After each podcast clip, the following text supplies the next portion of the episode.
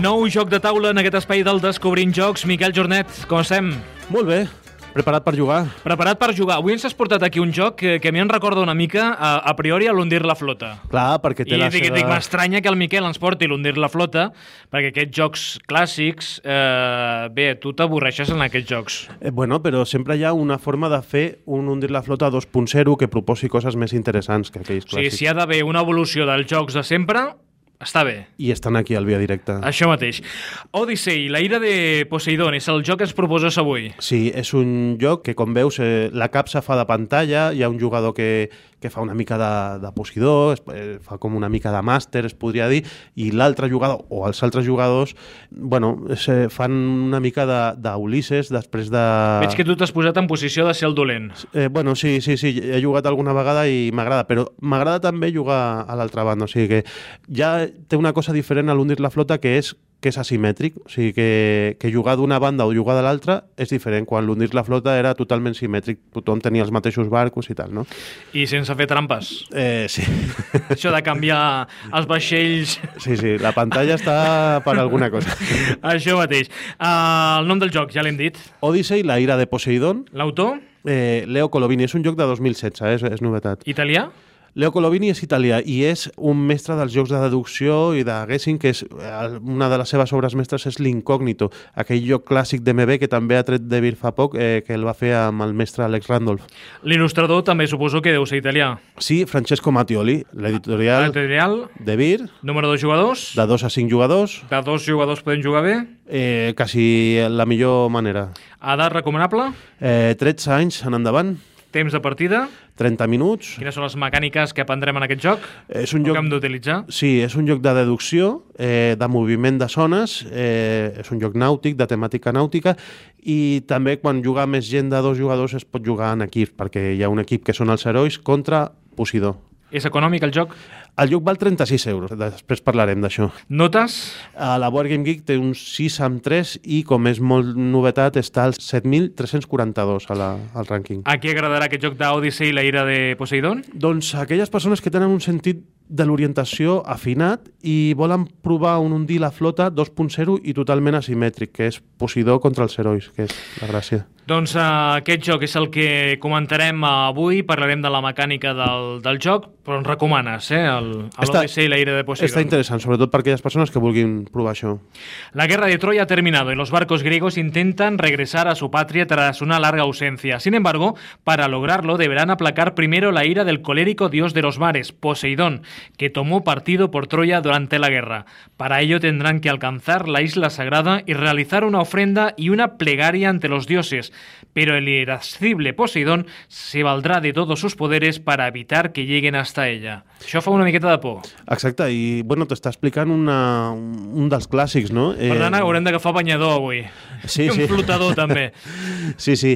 El joc consta d'una sèrie de taulers. Tenim quatre taulers, són peces de cartró que tenen A, B, C o D, i ens hem de posar d'acord si eh, els jugadors eh, juguem amb el C, doncs juguem eh, tant un jugador com l'altre juguem amb el C. S'encaren cap a la pantalla, que és la mateixa capsa que fa de pantalla, i un jugador fa de Posidó i l'altre fa dels herois. Els herois tenen eh, quatre vaixells eh, que, que comencen a quatre illes diferents. Els, els colors són eh, groc, blanc, eh, verd i vermell. La idea és guanya el jugador que fa dels herois si dels quatre eh, vaixells, tres arriben a, a la illa sagrada, que és la illa que està just al mig de, del tauler.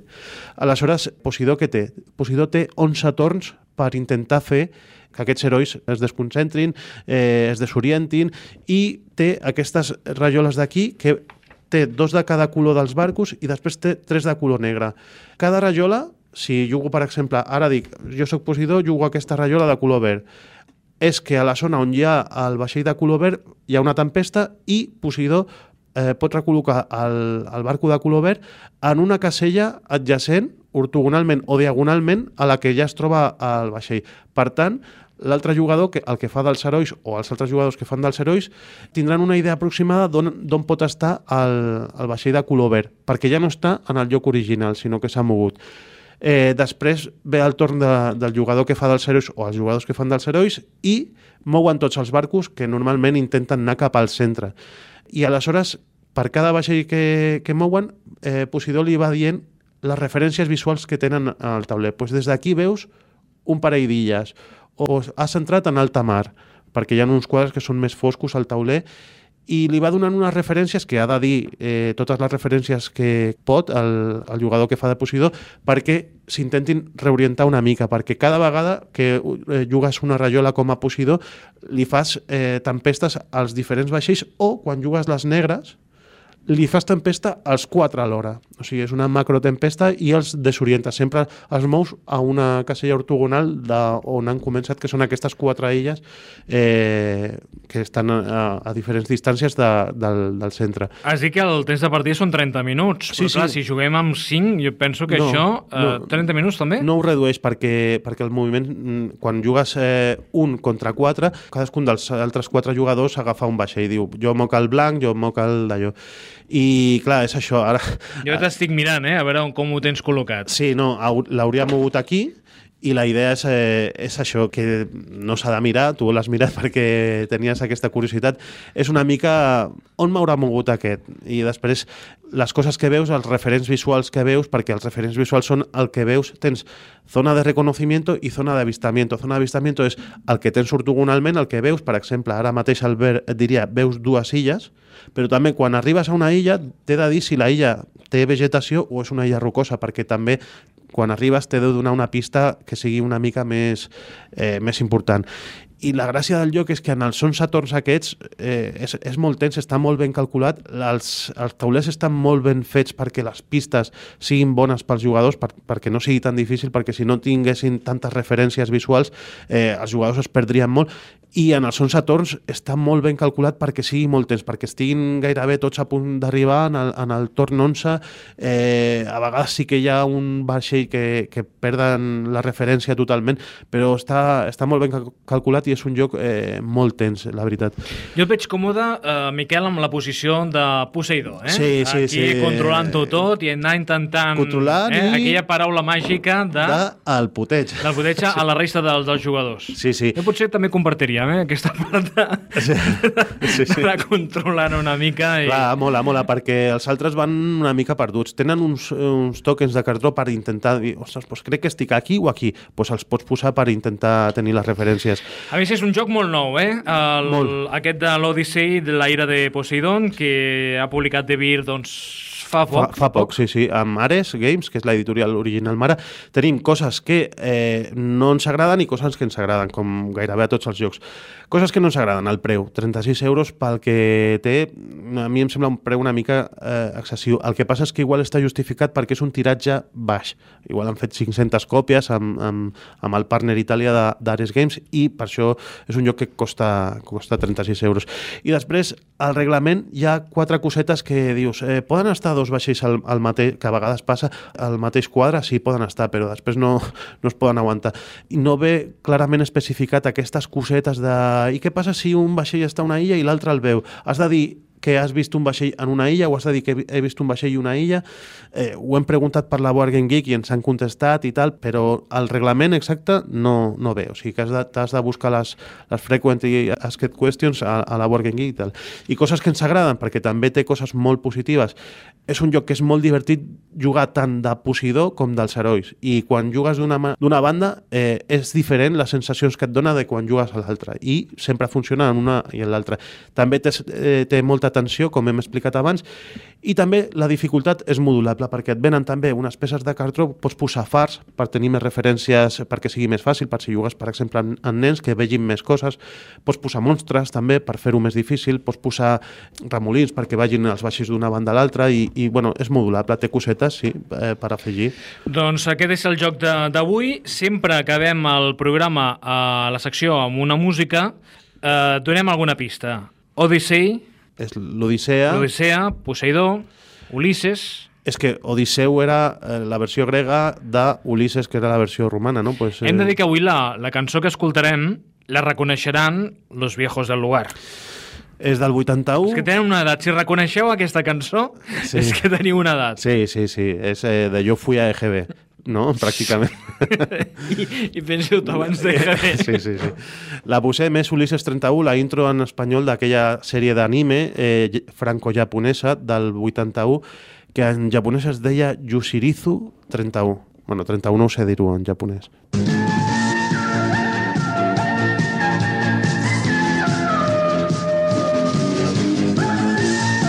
Siglo 31.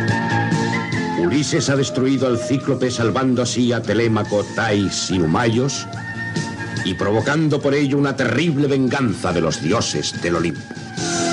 Quien quiera que se atreva a desafiar el poder de los dioses merece ser castigado. Desde ahora errarás por mundos desconocidos.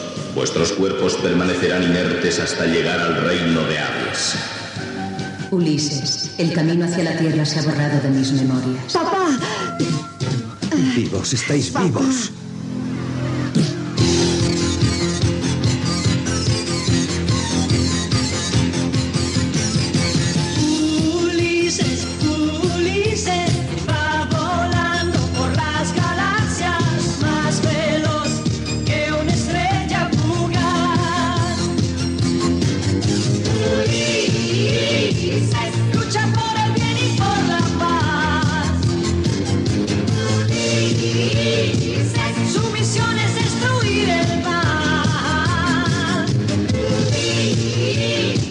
Ulises. Ulises 31, eh?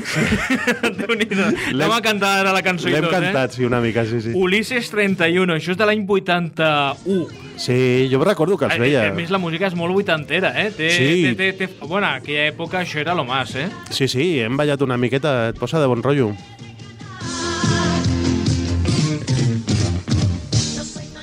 Déu-n'hi-do, jo soy no-no. Tu pequeño robot, eh, Sí, tu sí. amigo fiel. Sí. Déu-n'hi-do, déu nhi déu hem recordat moments màgics avui, eh? Sí, sí, i realment això és una nada d'olla dels francesos i els japonesos que van fer aquest anime, que crec que són 26, cap 26 capítols, que era explicant la història d'Ulisses, però en, un, en el segle 31, eh, en rotllo naus espacials, i, o sigui que és una passada.